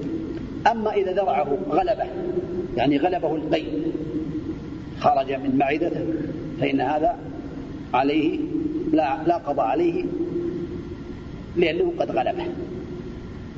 أما القلس ذكر أهل العلم القلس قالوا لا يضر لكن لا يبلع مرة أخرى. والقلس هو الذي يخرج إذا كان الإنسان شبعان من آخر من أدنى حلقه لا يكون من المعدة وإنما يكون من الشبع. فإذا خرج فإنه لا يقال له قي وإنما يلفظه يرميه. ولا يعيده إلى بطنه نعم. وعن جابر بن عبد الله رضي الله تعالى عنهما أن رسول الله صلى الله عليه وسلم خرج عام الفتح إلى مكة في رمضان فصام حتى بلغ كراع الغميم كراع الغميم فصام الناس ثم دعا بقدح من ماء فرفع. نقف على هذا الحديث. نسأل الله عز وجل لكم العلم النافع والعمل الصالح والتوفيق لما يحبه ويرضاه صلى الله وسلم. وبارك على نبينا محمد. وعلى آله وأصحابه أجمعين. إن شاء الله من غدا إن شاء الله يكون الدرس بعد الأذكار. بعد الأذكار إيه، يبدأ الدرس إن شاء الله. هو السنة الراتبة بعد الدرس إن شاء الله. صلى الله وسلم وبارك على نبينا محمد وعلى آله وأصحابه أجمعين. بارك الله فيكم. اليوم الذي يكون فيه غيب هل صحيح أنه يصام احتياطا؟ لا تقدم. تقدم في الدرس أنه لا يصاب احتياطا. لأنه من صامه كان قد عصب القاسم عليه الصلاة والسلام. نعم. يقول ليلة القدر هل لها علامات واضحه؟ الله أعلم لكن قالوا بأنها يطلع الشمس تطلع الشمس لا شعاع لها. والإنسان ليس مطالبا بأن يراقب ليلة القدر. يجتهد بالعشر الأواخر وإذا اجتهد فقد أدركها إن شاء الله تعالى. نعم. ولا ولا يشغل نفسه، بعض الناس يشغل نفسه يراقب النجوم يراقب الأحوال يراقب لا. يشغل نفسه أشغل نفسك بالقرآن وقراءة القرآن والدعاء والذكر ولا تنظر إلى هذا نعم. لأنك إذا اجتهدت قد اصبتها نعم. الله يقول متى يبدأ الثلث الأخير من الليل؟ يبدأ الثلث الأخير من الليل في الثلث الآخر من الليل. يعني غروب الشمس هذا بداية الليل غروب الشمس وطلوع الفجر الثاني مع الأذان هذا نهاية الليل اقسم هذه كلها على ثلاثة والثلث يكون هو يعني الثلث الآخر من الليل فإذا قسمت عشر ساعات 12 ساعة يعني إذا كان 11 ساعة على اثنين على ثلاثة شوف كم ساعة. واحسب ثلثين من أول الليل والثلث نعم. أحسن الله إليكم. يقول أحسن الله إليكم. هل صحيح أن الإنسان إذا كان يتسحر ثم أذن المؤذن فإنه يكمل ما في يده من الطعام؟ والله إذا كان ما عنده يقين بأن الفجر قد طلع لكن إذا كان آه، صار الإنسان يأكل وصار في فمه فإنه يأكل ما في فمه أما كونه يستمر في الطعام لا يستمر في الطعام. إلا إذا كان عنده يقين بأن الفجر لم يطلع. إذا كان عنده يقين بأن المؤذن متقدم أما كان لقمة في فمه فإنه يكمل. نعم. لكن ذكروا بأن الإنسان إذا كان يعني اختلاف خلاف الجماع. إذا كان يفتي بذلك سماحة شيخنا رحمة الله عليه. لأنه إذا أذن المؤذن وهو يعني مع أهله فإن عليه القضاء والكفارة لأنه ما احتاط. وهذا مهم الأعاب رحمه الله نعم. يقول قول النبي صلى الله عليه وسلم من لم يدع قول الزور والجهل والعمل به فليس الحديث. ما معنى الجهل في الحديث؟ الجهل يعني يضرب الناس. يجهل عليهم يتعدى عليهم يأكل أموالهم. والزور معروف يقول الزور الكذب الغيبه والنميمة نعم. صلى الله عليه يقول قول النبي صلى الله عليه وسلم دخلوه فم الصائم الحديث هل الأفضل للصائم السواك أم ترك السواك؟ الرائحة هذه خلوق فم الصائب الرائحة هذه الكريهة تخرج من المعدة. ولا يزيلها السواك. السواك لا يزيل ما يخرج من المعدة. السواك يزيل مع الأسنان. أما الرائحة فمنبعها وأصلها المعدة فلا يزيل السواك هذه الرائحة. فالصواب أن السواك بعد الزوال أول الزوال هو آه يعني مطهرة الفم مرضاة للرب كما قال النبي عليه الصلاة والسلام. في أول اليوم وفي آخره حتى ولو كان قبل الإفطار. لكن لا يبتلع الإنسان بقايا أو ما يتقطع من السواك يبتلعه. لا. نعم. أو يبالغ في السواك حتى يخرج الدم ويبتلعه؟ وإنما يستاك سواك السنة. نعم. يستاك مع كل وضوء. عند كل صلاة عند تغير رائحة الدم عند قراءة القرآن حتى ولو كان بعد العصر نعم.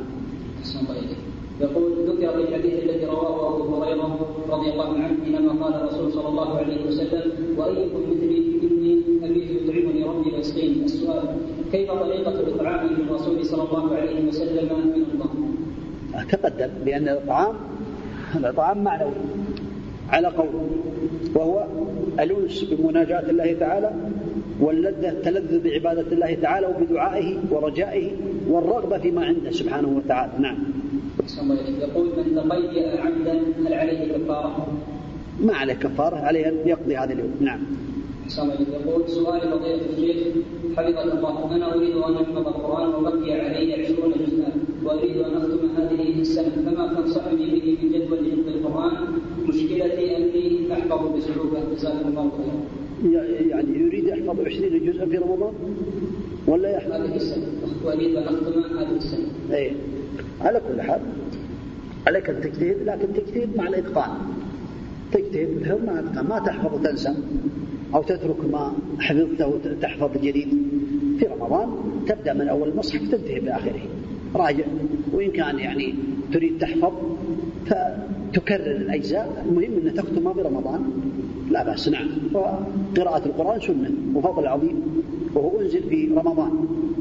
فعليك أن تجتهد لكن لا تحفظ الجديد وتنسى القديم. نعم. غفر الله لك ونفع الله بك الاسلام والمسلمين هذا والله اعلم بارك الله فيكم اللهم صل وسلم. وبارك على نبينا محمد وعلى آله وأصحابه أجمعين. بارك الله فيكم. اللهم لنا قال الإمام ابن حجر رحمه الله تعالى في كتابه بلوغ المرام في كتاب الصيام وعن جابر بن عبد الله رضي الله تعالى عنهما أن رسول الله صلى الله عليه وسلم خرج عام الفتح إلى مكة في رمضان فصام حتى بلغ قراع الغليل فصام الناس ثم دعا بقدح من ماء فرفعه. ثم نظر الناس إليه فشرب ثم قيل له بعد ذلك إن بعض الناس قد صام فقال أولئك العصاة أولئك العصاة. وفي لفظ قيل له إن الناس قد شق عليهم الصيام وإنما ينتظرون فيما فعلت فدعا بقدح من ماء بعد العصر فشرب رواه مسلم. بسم الله الرحمن الرحيم. الحمد لله رب العالمين. وصلى الله وسلم وبارك على نبينا محمد وعلى آله وأصحابه أجمعين. أما بعد هذا الحديث يدل على أن النبي عليه الصلاة والسلام إذا أمر بأمر وجب أن يطاع صلوات الله وسلامه عليه. وقد كان عليه الصلاة والسلام في غزوة فتح مكة كما جاء في الأحاديث الأخرى أنه كان قد رغبهم عليه الصلاة والسلام في الإفطار وبين لهم بأنه أقوى لهم أقوى لهم على لقاء العدو. فكان ذلك ترغيبا لهم في الافطار ليتقووا على الطاعة على الجهاد في سبيل الله تعالى في فتح مكة. ولما تقدم عليه الصلاة والسلام وصل إلى قراع الغميم وهو واد قبل مكة بين مكة والمدينة واد بين مكة والمدينة. بلغه عليه الصلاة والسلام ونظر إلى ما حل بالناس من المشقة فأفطر عليه الصلاة والسلام وأمر الناس بالإفطار فأصبحت عزيمة. يعني أصبح الإفطار واجبا لأن النبي عليه الصلاة والسلام أمر بالإفطار. ولما بلغوا عليه الصلاة والسلام أن بعض الناس قد صام قال أولئك العصاة أولئك العصاة لأنهم عصوا النبي عليه الصلاة والسلام. والصيام في السفر كما ذكر أهل العلم يكون جائزا إن لم تحصل مشقة. أما إذا حصلت مشقة أو حصل ضرر على الإنسان فإنه يجب عليه الإفطار سواء كان مريضا إذا حصل ضرر أو مشقة. أما إذا لم يحصل مشقة ولا ضرر على المسافر أو على المريض فإن الصيام يكون جائزا إن أفطر فلا بأس وإن صام فلا بأس. واختلف أهل العلم. ما هو الأفضل؟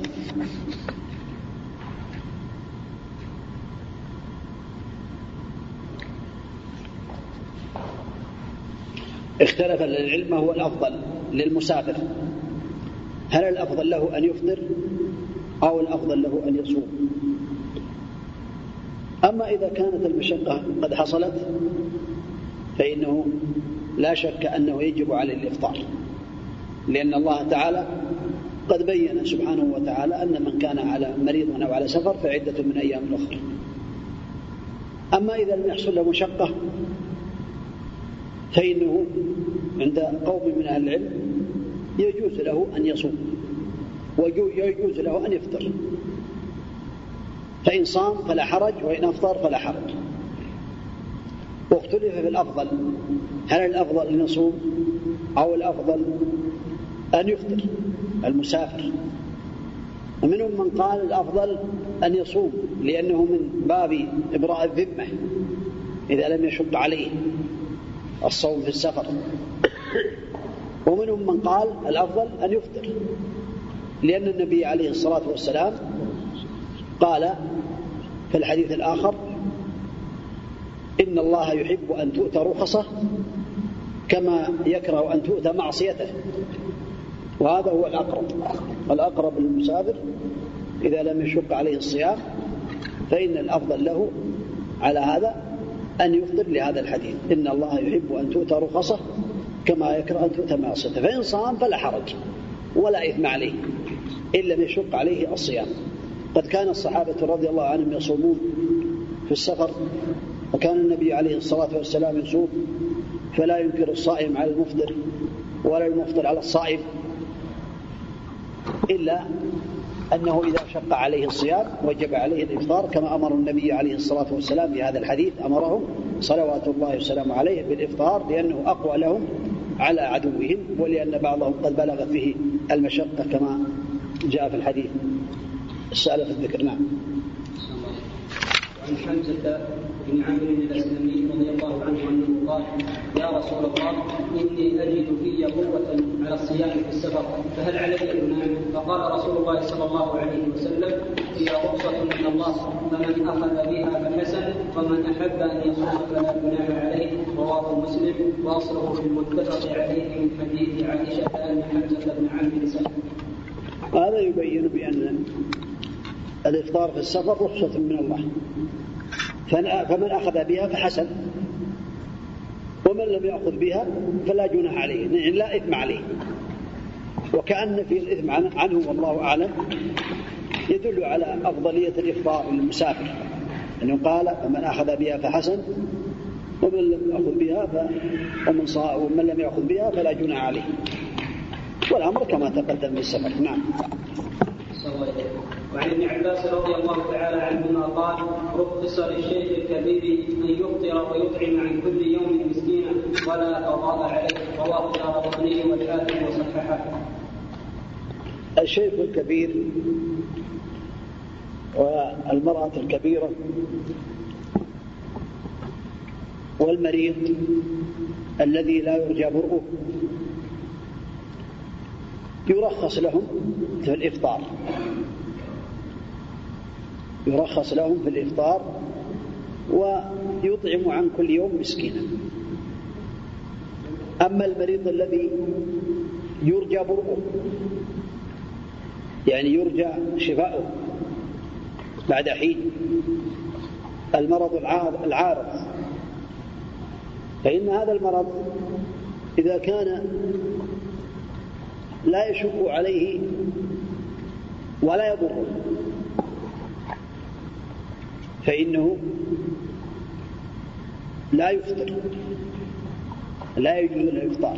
إنسان عنده بعض الألم عنده زكام والزكام هذا لا يشق عليه ليس فيه مشقة ولا مضرة.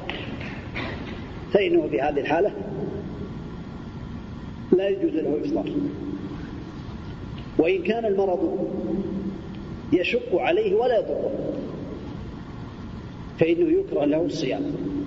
إذا كان يشق عليه ولا يضره فإنه إن صام يكره وإن أفطر فهو الأولى. وإن كان يشق عليه ويضره فإنه يحرم عليه يحرم عليه الصيام إذا كان يضره ويشق عليه. فلا بد من الترتيب لأن بعض الناس بمجرد المرض اليسير يفطر. كالزكام اليسير أو المرض اليسير أو ألم الأصبع أو غير ذلك يفطر بسبب هذا وهو لا يشق عليه ولا يضره فلا بد من إذا كان المرض يشق عليه فإنه يباح له الإفطار ويكره له الصيام. أما إذا كان يضره ويشق عليه يحرم عليه الصيام. أما إذا كان لا يضره ولا يشق عليه فيحرم عليه الإفطار. أما المريض الذي لا يرجى برؤه كما تقدم المريض المرض المزمن الشاق أو كبير السن الذي لا يستطيع الصيام الشيخ والشيخة فإنهم يفطرون ويطعمون عن كل يوم مسكينا مع المريض الذي لا يرجى برؤه أما المريض الذي يرجى برؤه فإنه على الترتيب السابق يفطر ويقضي حينما يشفى يقضي القضاء بالمعروف نعم. وعن أبي هريرة رضي الله تعالى عنه قال جاء رجل إلى النبي صلى الله عليه وسلم فقال هلكت يا رسول الله؟ قال وما أهلكك؟ قال وقعت على امرأتي في رمضان. فقال هل تجد ما تعتق رقبة؟ قال لا. قال فهل تستطيع أن تصوم شهرين متتابعين? قال لا. قال فهل تجد ما تطعم ستين مسكينا؟ قال لا. ثم جلس فأتي النبي صلى الله عليه وسلم بعرق فيه تمر فقال تصدق بهذا. فقال أعلى أفقر أعلى أفقر منا. فما بين لابتيها أهل بيت نحوة إليه منا. فضحك النبي صلى الله عليه وسلم حتى بدت أنيابه ثم قال اذهب فأطعمه أهله رواه السبعة واللفظ لمسلم. وهذا الحديث يدل على كفارة الوضع في رمضان وأن كفارته ككفارة الظهار على الترتيب لا على التخيير فمن وقع في هذا فقد وقع في أمر حرمه الله تعالى عليه وعليه أمور ثلاثة. الأمر الأول عليه التوبة والندم على ما فعل والعزيمة على ألا يعود إلى هذا الذنب العظيم الذي يدل على ضعف إيمانه وعدم مراقبة لله تعالى في هذه الحالة. فلو كان الناس قد حضروا عنده ما فعل هذا العمل. الأمر الثاني عليه الكفارة. على الترتيب كفارة الظهار. يطعم يعتق رقبة. فإن عجز ما يستطيع. فينتقل إلى صيام شهرين متتابعين. فإن عجز فينتقل كالمرض المريض الذي لا يعني قد أصيب بالمرض ولا يستطيع أن يصوم. فإن هذا ينتقل إلى المرتبة الثانية الثالثة وهو أن يطعم ستين مسكينا. ولا يجزي إطعام أقل من ستين مسكينا. لا بد أن يكون الإطعام لستين مسكينا يوزع عليهم الأمر الثالث الذي يجب عليه يجب عليه أن يقضي هذا اليوم. يقضي هذا اليوم الذي أفسده.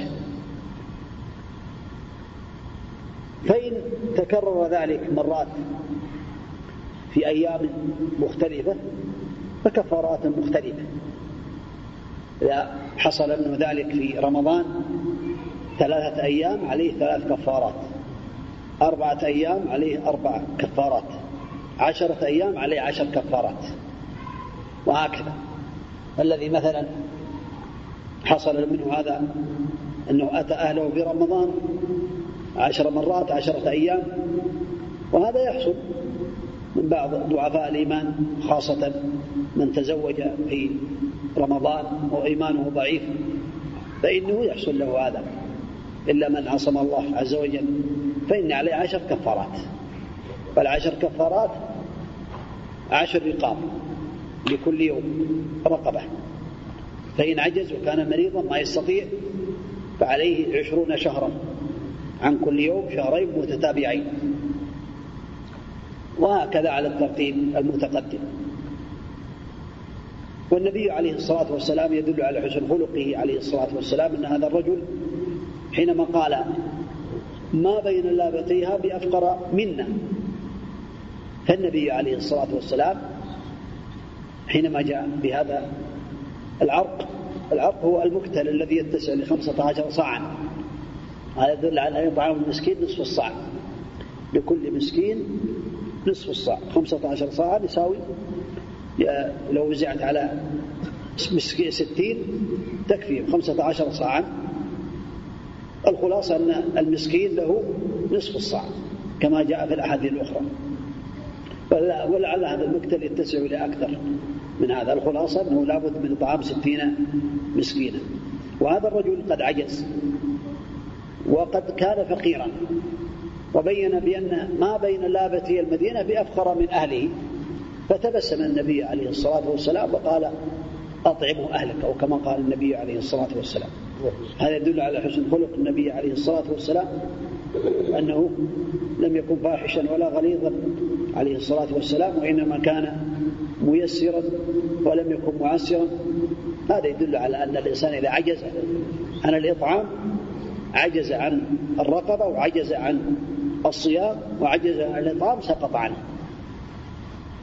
أما الظهار كما ذكر العلم فلا بد أن يبقى في ذمته إن عجز.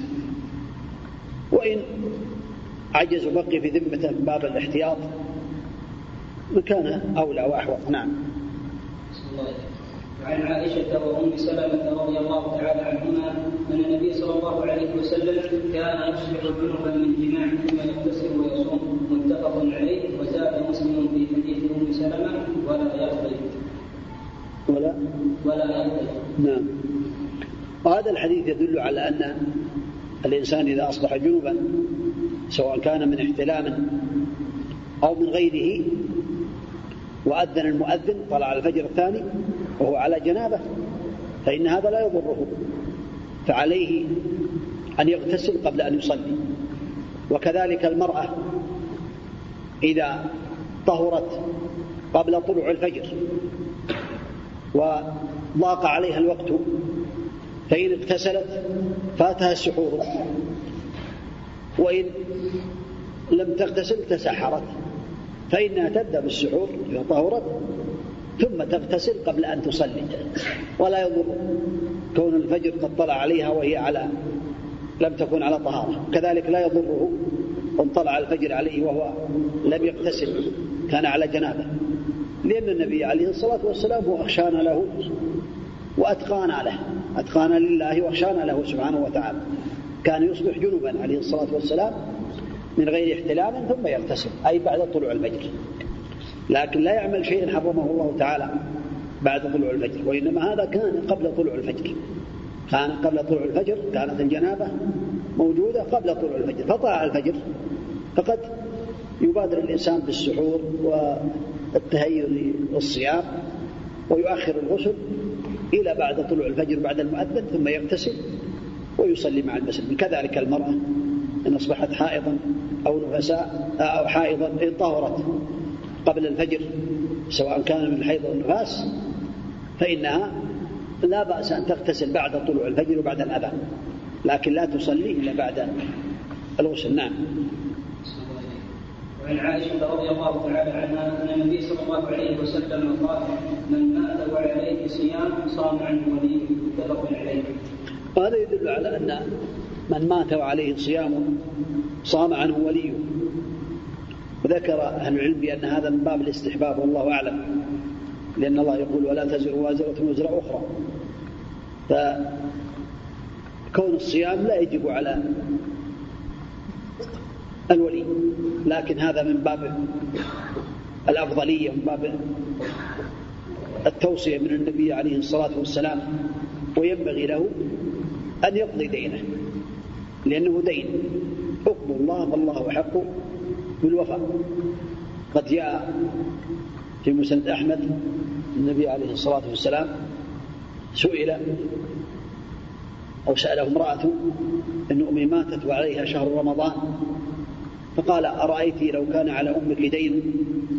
أكنت قاضية؟ قالت نعم. قال فاقضوا الله فالله أحق بالقضاء أو بالوفاء أو كما قال النبي عليه الصلاة والسلام. فالخلاصة أن الولي ينبغي له أن يصوم عن يعني من مات وعليه صيام سواء كان ذلك من رمضان أو صيام كفارة أو صيام نذر أو غير ذلك لأن هذا دين. فكما, فكما أن لو كان عليه دين بادر الولي بالقضاء بقضاء الدين فدين الله تعالى أحق بالوفاء نعم الله باب صوم التطوع وما نهي عن صومه. نعم. وعن أبي قتادة الأنصاري رضي الله تعالى عنه أن رسول الله صلى الله عليه وسلم سئل عن صوم يوم عرفة فقال يكفر السنة والباقيه وسئل عن صوم يوم عاشوراء فقال يكفر السنة الماضيه وسئل عن صوم يوم الاثنين فقال ذلك يوم ذلك يوم ولدت فيه وبعثت فيه وأنزل علي فيه رواه مسلم. وهذا في صيام التطوع صيام التطوع هو من الأمور المستحبة التي ينبغي المسلم أن يبادر إليها ويحافظ عليها عند الاستطاعة لأن النبي عليه الصلاة والسلام قد بين فضل الصيام. بين النبي صلوات الله وسلامه عليه في الأحاديث فضل الصيام وقد أوصى به بعض أصحابه فقال عليك بالصوم فإنه لا مثل له. والصائمون يدخلون من باب الريان ولم يكن ذلك خاصا بصيام رمضان وإنما هذا عام والله أعلم لكل الصائمين. فمن أكثر من ذلك فإنه يدخل من باب الريان كما بين النبي عليه الصلاة والسلام. والصوم له فضائل عظيمة منها أن الله تعالى يحبه ومنها أن الصيام يعين الإنسان على طاعة الله تعالى ويذكره أحوال الفقراء ويضيق مجاري الشيطان وفيه فوائد صحية لا يعلمها إلا الله. الخلاصة أنه مشروع لكن فيما شرعه النبي عليه الصلاة والسلام.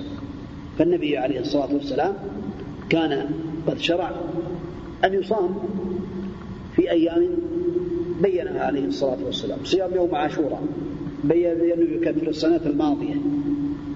صيام يوم عرفة بين بأنه يكفر السنة الماضية والمستقبلة. صلوات الله وسلامه عليه.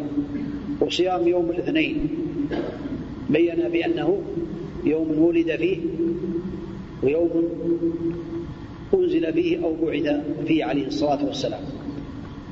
يوم بعث فيه ولد فيه عليه الصلاة والسلام ويوم بعث فيه أو أنزل عليه فيه عليه الصلاة والسلام. ويضاف إليه فائدة أخرى ويوم مع يوم الخميس يوم تعرض الأعمال فيه. كما بين النبي عليه الصلاة والسلام ويحب أن يعرض عليه عملي وأنا صائم. صلوات الله وسلامه عليه. نعم. وعن ابي ايوب الانصاري رضي الله تعالى عنه ان رسول الله صلى الله عليه وسلم قال من صام رمضان ثم أتبعه ستا من شوال كان كصيام الدهر رواه مسلم. هذا من فضل الله تعالى أن من صام رمضان ثم أتبعه بست من شوال كان كصيام الدهر كصيام السنة كاملة. ذكر العلم بأن صيام رمضان بعشرة أشهر وصيام الست بشهرين لأن الحسنة بعشر أمثالها. فعظم رمضان بعشر عشرة أشهر ستة أيام في عشرة بستين يوما بشهرين. فكأنه صام الدهر كله. هذا من فضل الله تعالى. وقد يكتب للإنسان صيام سنتين كما ثبت في الحديث الآخر. صوم شهر الصبر وثلاثة أيام من كل شهر. فإذا كان يصوم ثلاثة أيام من كل شهر فقد صام السنة كلها. لأن اليوم الواحد عن عشرة أيام صام ثلاثة أيام صام الشهر كاملا. من فضل الله تعالى هذا من فضل الله. وقد أوصى النبي عليه الصلاة والسلام بذلك. أوصى أبا هريرة وأوصى أبا ذر أوصاني خليلي صلى الله عليه وسلم أن أصوم ثلاثة أيام من كل شهر الحديث. نعم. وعن أبي سعيد الخدري رضي الله تعالى عنه قال قال رسول الله صلى الله عليه وسلم ما من عبد يصوم يوما في سبيل الله إلا باعد الله في ذلك اليوم وجهه عن النار سبعين خليفه متفق عليه واللفظ لمسلم. وهذا يدل على فضيلة الصيام. وأن اليوم الواحد يبعد الوجه عن النار سبعين خريفا للمسلم. هذا من فضل الله تعالى. لو لم يكن في صيام التطوع إلا هذه الميزة وهذا هذه الفضيلة. في سبيل الله كيف يصوم في سبيل الله إذا كان في الجهاد؟ والنبي عليه الصلاة والسلام قد رغب في الصيام في الإفطار في الجهاد في سبيل الله تعالى يقال إن لم يكن الصوم يشق عليه ولم يكن فيه يعني جهاد قتال. وهذا قول قول آخر بأنه في سبيل الله أي في طاعة الله وهذا الأقرب. من صار يوما في سبيل الله أي في طاعة الله تعالى فيشمل أي يوم. باعد الله بين وجهه وبين النار سبعين خريفا. وهذا فضل عظيم وثواب كبير للصائم فإنه يباعد بينه وبين النار سبعين خريفا. نعم. وعن عائشة رضي الله تعالى عنها قالت كان رسول الله صلى الله عليه وسلم يصوم حتى نقول لا يفطر ويفطر حتى نقول لا يصوم. وما رأيت رسول الله صلى الله عليه وسلم استكمل صيام شهر قط إلا رمضان. وما رأيته في شهر أكثر منه صياما في شعبان. متفق عليه واللفظ المسلم. وهذا كذلك يدل على أنه كان يصوم كثيرا عليه الصلاة والسلام. كان يصوم حتى يقول لا يفطر من كثرة الصيام كأنه يواصل الصيام. ثم يفطر حتى يقال لا يصوم من كثرة الإفطار. ذكر العلم بأن المعنى والله أعلم أنه كان إذا شغل واشتغل بالجهاد واشتغل بمصالح المسلمين أفطر كثيرا عليه الصلاة والسلام. فإذا حصل عنده غراب صام كثيرا واصل الصيام عليه الصلاة والسلام. تعويضا لما فات عليه الصلاة والسلام من الصيام. فكان يصوم حتى يقال لا يفطر ويفطر حتى قال لا يصوم وما رأيته قالت عائشة وما رأيته استكمل شهرا إلا رمضان. وما رأيته أكثر صياما منه في شعبان. هذا يدل على أنه كان عليه الصلاة والسلام يصوم شعبان. كفي حديث آخر ما رأى كان يصومه إلا قليلا. في رواية أخرى كان يصومه كله. هذا يدل على فضيلة صيام شعبان. لمن قدر على ذلك قد جاء التعليل في ذلك والبيان بأنه سئل عليه الصلاة والسلام عن صيام شعبان. قال ذاك شهر يغفل الناس عنه بين رجب ورمضان وتعرض فيه الأعمال على رب العالمين فأحب أن يعرض عملي وأنا صائم رواه النسائي وهو حديث صحيح. هذا يدل على فضيلة صيام شهر شعبان أو صيام ما تيسر منه. نعم. لكن قبل النصف وبعده أما بعد النصف فيكره إلا لمن صام من أول الشهر. أما من ابتدأ بعد النصف فقد نهى النبي عليه الصلاة والسلام كما يأتي نعم وعن أبي ذر رضي الله تعالى عنه قال أمرنا رسول الله صلى الله عليه وسلم أن نصوم من الشهر ثلاثة أيام ثلاث عشرة وأربع عشرة وخمس عشرة رواه النسائي والترمذي وصححه ابن حبان. وهذا أمر استحباب لا أمر إيجاب. أمره النبي عليه الصلاة والسلام أن يصوم ثلاثة أيام من كل شهر الثالث عشر والرابع عشر والخامس عشر. وهذه الأيام البيض التي ليلها أبيض ونهارها أبيض. والأحاديث الصحيحة التي ثبتت عن النبي عليه الصلاة والسلام في الصيام صيام ثلاثة أيام مطلقة بدون الثلاثة ثلاثة البيض. فمن صام ثلاثة أيام من كل شهر حصل له البطن. لكن ذكر أهل العلم بأن هذا يدل على الأفضلية من باب الأفضلية. إن صام ثلاثة أيام من الشهر قد حصل على الوصية التي أوصى بها النبي عليه الصلاة والسلام أبا هريرة وأبا ذر. أوصاني خليلي صلى الله عليه وسلم بثلاث أن أصوم ثلاثة أيام وأن أركع ركعة الضحى وأن أوتر قبل أن أنام. هذا لمن لم يستطع أن يقوم, يقوم من آخر الليل. أما إن صام ثلاثة أيام البيض فيكون أفضل. إن حصل صيام ثلاثة أيام من كل شهر هذا هو المطلوب. قد حصل على الثواب فإن كانت الثلاثة هي البيض الثالث عشر والرابع عشر والخامس عشر كان ذلك أفضل. نعم. وعن أبي هريرة رضي الله تعالى عنه أن رسول الله صلى الله عليه وسلم قال لا يحل للمرأة أن تصوم وزوجها شاهد إلا بإذنه. متفق عليه واللفظ للبخاري زاد أبو داود غير رمضان. وهذا يدل على أن المرأة لا تصوم صيام التطوع كان يوم الاثنين أو الخميس أو يوم صيام يوم وافطار يوم فانها لا تصوم إلا بإذن الزوج إذا كان حاضرا. أما إذا كان مسافرا أو كان في مكان آخر فلها أن تصوم بدون إذنه. أما الفريضة فلا أن تصوم بدون إذنه.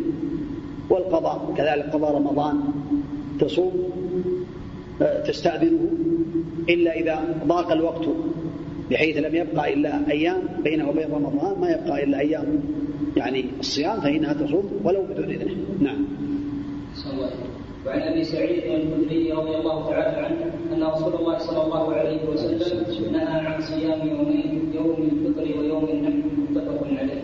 وهذا الأيام محرمة الصيام التي يحرم صيامها. فيحرم صيام يوم الفطر ويوم الأضحى. ويحرم صيام أيام التشريق من ذي الحجة. اليوم الحادي عشر والثاني عشر والثالث عشر. لأن النبي عليه الصلاة والسلام قال بأنها أيام أكل وشرب هذه الأيام يحرم صومها ويحرم صوم الدهر كذلك يصوم دائما ما يفطر ولا يؤم في السنة هذا لا صوم ولا أفطر كما يتنام وعن عبيشة الحذري رضي الله تعالى عنه قال قال رسول الله صلى الله عليه وسلم أيام التشريق أيام أكل وشرب وذكر لله عز وجل رواه مسلم. نعم. وعن عائشة وابن عمر رضي الله تعالى عنهم قال لم يرخص في أيام التشريق أن يصم إلا لمن لم يجد الهدي رواه البخاري. من لم يجد الهدي ولا يستطيع الهدي فإن له أن يصوم أيام التشريق. ثلاثة أيام في الحج صيام ثلاثة في الحج الأيام في الحج وسبعة إذا رجعتم لكن الأفضل له أن يصومها قبل يوم عرفة حتى يقف يوم عرفة مفطرا وحتى يصوم أيام التشريق. فإن لم يفعل ذلك فله أن يصومها أيام التشريق. نعم. وعن أبي هريرة رضي الله تعالى عنه عن النبي صلى الله عليه وسلم قال لا تخصوا ليلة الجمعة بقيام من بين الليالي ولا تخصوا يوم الجمعة بصيام من بين الأيام الا ان يكون في صوم يصومه أحدكم رواه مسلم. هذا يدل على أن صيام يوم الجمعة أو قيام ليلة الجمعة قياما خاصا بحيث لا يقوم إلا ليلة الجمعة ولا يصوم إلا يوم الجمعة هذا منهي عنه نهى النبي عليه الصلاة والسلام عنه. يوم الجمعة هو أفضل الأيام أفضل يوم طلعت عليه الشمس. فيه خلق آدم وفيه أدخل الجنة وفيه أهبط إلى الأرض. وفيه ساعة لا يوفقها عبد مسلم يدعو الله بدعوته إلا استجاب الله له. فهو يوم عظيم وعيد عظيم عيد الأسبوع. فلا يصومه المسلم منفردا إلا أن يضيف إليه يوما قبله أو بعده. فإن صام يوما قبله وصامه أو صام الجمعة ويوم بعده فلا حرج. نعم. وعنه أيضا رضي الله تعالى عنه قال قال رسول الله صلى الله عليه وسلم لا يصومن أحدكم يوم ان يصوم يوما قبله أو يوما بعده متفق عليه. نعم إذا أضاف له يوم قبله أو بعده فإنه يزول تزول الكراهة نعم. وعنه أيضا رضي الله تعالى عنه أن رسول الله صلى الله عليه وسلم قال إذا انتصف شعبان فلا تصوموا رواه الخمسه واستنكروا احمد. والصواب أن الحديث ثابت عن النبي عليه الصلاة والسلام كما ذكر أهل العلم ولكن قالوا في النهي كما سمعتم أنه النهي عن الابتداء النهي عن الابتداء الصوم بعد منتصف شعبان. أما من صام من أوله فلا يدخل في النهي فإنه يصوم حتى ولو بعد النصف إلا قبل رمضان بيوم أو يومين. نعم. وعن الصماء بنت بسر رضي الله تعالى عنها أن رسول الله صلى الله عليه وسلم قال لا تصوموا يوم السبت إلا فيما افترض عليكم فإن لم يجد أحدكم إلا لحاء عنب أو عود شجرة فليطبخها رواه الخمسة ورجال الثقات إلا أنه مضطرب وقد أنكره مالك وقال أبو داود هو منسوخ اختلف العلم في هذا في صيام يوم السبت منفردا. هل يكون مكروها منهي عنه؟ أو يكون هذا الحديث ضعيفا. اختلفوا اختلافا كبيرا. ولكن رجح سماحة شيخنا عبد العزيز بن باز رحمة الله عليه أن هذا الحديث ممكن وضعيف. فلا بأس بالصيام يوم السبت. نعم. وعن أم سلمة رضي الله تعالى عنها أن رسول الله صلى الله عليه وسلم كان أكثر ما يصوم من الأيام يوم السبت ويوم الأحد وكان يقول انهما يوم العيد. اريد ان اخالفه اخرجه النسائي وصححه ابن خزيمة وهذا له عليه الصلاة والسلام. وهذا يدل على استحباب صيام يوم الأحد ويوم السبت. مضمومين مضمومين لبعضهما فإذا صام يوم الأحد ويوم السبت استحب له ذلك لهذا الحديث الذي بينه النبي صلوات الله وسلامه عليه بفعله. نعم.